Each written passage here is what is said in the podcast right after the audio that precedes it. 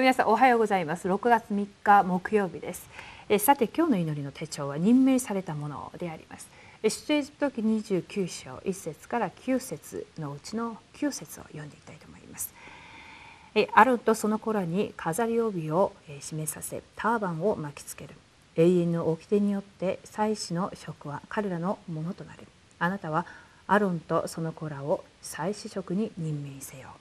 はい。科学は限りなく発展します。人々に豊かさがあるように見えますが時間が経つにつれてはびこっていく病気があります。それはまさに無気力とうつ病精神問題です。聖書はこの問題に対して明らかにしています。漱石参照事件以降サタンは今も個人と家庭文化を崩しています。しかしイエス様がこの問題を解決されました。イエス様は世の中に来られる前はどのようにこの問題を解決したのでしょうか？今日私たちが知らなければならない霊的な使命は何でしょうか？はい。さまざまな問題が起きているということはもう分かっているんですけれども救われた私たちがこの時代の中で主が私たちに任せてくれた使命があります。今日はその使命私の使命そして私たちの使命を悟る一日になっていただきたいと思います。では大きな一番です。はい、神様が与えられた解決策。漱石三章の現在の問題はキリストだけが解決することができます。神様は選ばれた者たちに大祭司の祝福を与えられました。漱石三章15節の女の子孫と出エジプト三章18節の子羊の血が誰なのか。モーセは正確に悟りました。この契約はアロンと次世代の祭司たちに伝えられました。この契約を握った者たちは勝利しました世の中は理解できませんが聖書には人間が神様に出会う道は何かを説明しています漱石三章の神から人間が離れてしまった問題そして罪を犯しサタンにこうサタンの支配に支配下に置かれてしまったというこの人間根本問題のために神様は私たちに契約を与えてくださいました。それが漱石三章15節なんです。その女の子孫女の子孫の契約を握ってその来るメシアそのメシアの契約を握っていてそして旧約時代の人々はその契約中心に全てをまた導かれていきました。そこで旧約聖書に出てくるアブラハムもモーセもヨセフも皆その契約を握って勝利していました。その契約が新約時代に来て成就されてそして神がこの世を本当に愛しておられた一人子イエス・キリストを使わして人間の全ての問題を十字架の上で解決しました。そして今のこの時代はその十字架の上で解決してそしてイエス様は亡くなられましたけれど3日目によみがえられてそして天に昇る前に40日間多くの弟子たちに神の国について語られたのです。今は私たちは時空を超えて誰でもイエスの皆を呼び求めればその精霊の働きによって私たちは救われるそのような時代に生きています、えー、私たちはですね本当に今日この時間このキリストの皆をもう一度私たちは確認し、えー、私たちが救われたんですが、え、救われた限り神が救われた者にこの時代に与えられた復活のメッセージをもう一度確認して現場を見ながらまた承認になっていく祝福を皆さん受けていただきたいと思います。はい、それでは、えー、大きな2番です。ま、任命されたもの伝道者。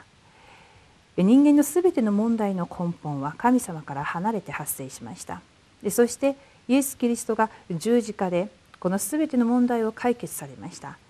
この事実を信じる時救いと回復が起きます。初代教会のマルコの屋上の間にもこの働きが起きて福音を握るすべての人に今も起きています。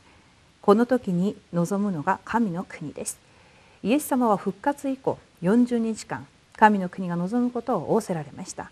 神の国を述べ伝えなさい述べ伝えなさいと仰せられました。これを任命された者がすなわち伝道者です。子羊子羊の血すなわちイエス様の十字架の父親を信じて伝える祭司の職分を与えられたのです。私たちは選ばれた種族王である祭司聖なる国民神の所有とされた民です。このような祝福は礼拝を通して最高に味わうことができます。全焼の生贄と罪のための生贄を命令されたのもこのためです。イエスだけが道と真理と命であることを伝えて味わわなければなりません。はい。救われた私たちそしてレムナント重症者多くの伝道者に与えられたこと。この祭祀の祝福を与えられました。私たちは出会うすべての人にこの精霊の働きによってその人の根本問題を解決できるイエス・キリストの道を述べ伝えることができます。今日皆さんがこのキリストの契約をもう一度握りまして私に与えられた身分と権威をもう一度確認しながら私たちに任された主の使命これをもう一度回復していただきたいと思います。三位一体の神様が皆さんの現場そして学業や職業そしていろいろな皆さんの働きの上に精霊の満たしを通してまた祝福をしてくださると思います。世界福音化今日もまた続いていきます。皆さんまた夏場いろいろとですね天候もまた天気のいろいろなあれこれ、えー、また暑かったりですね寒かったりまだ韓国も非常に、えー、そのような状態でありますけれども、えー、皆さんもですね健康に気をつけながら、えー、精霊の満たしを受けて今日一日も元気よくまたスタートしていただきたいと思います。はいさて今日の主題です。子羊の血すなわちイエス様の血潮が私の生活に流れていますか？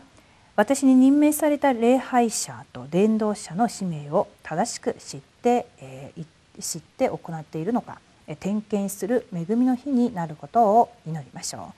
はい皆さん今日も契約に成功しそして祈りと現場のまた皆さんの働きに成功する一日になっていただきたいと思います。では今日の祈りの手帳お祈りを通して終わりにしたいと思います。神様感謝します。神様主は言われました。私たちは選ばれた収録王である祭司聖なる国民神の所有とされた民であると言われました。私たちは私たちが救われたこの恵みを大いに他の人にも伝えていくことができるように今日も精霊の満たしを与えてください。RUTC 時代です。レムナントを生かし現場に死んでいく多くの人々を生かすために私たちは未来をまた備えていかなくてはなりません。自分に与えられたこの祭祀のこの職すべての罪をイエスの皆によって私たちはあがなわれ解決されました。今日もキリストの契約を握り主の十字架の血潮そして本当に主が与えられた今日の契約を握って精霊に満たされますように教会を助け多くの伝道者を助けそして多くのまたレムナントを助けそして自分のタラントや自分の学業自分の職業にも応えられる7つの伝道者の人生の答えを受けることができますように今日の御言葉今日の伝道今日の祈りをもう一度点検して今日も主の計画の中にとどまっていますように全てを感謝して主イエスキリストの皆によってお祈りします。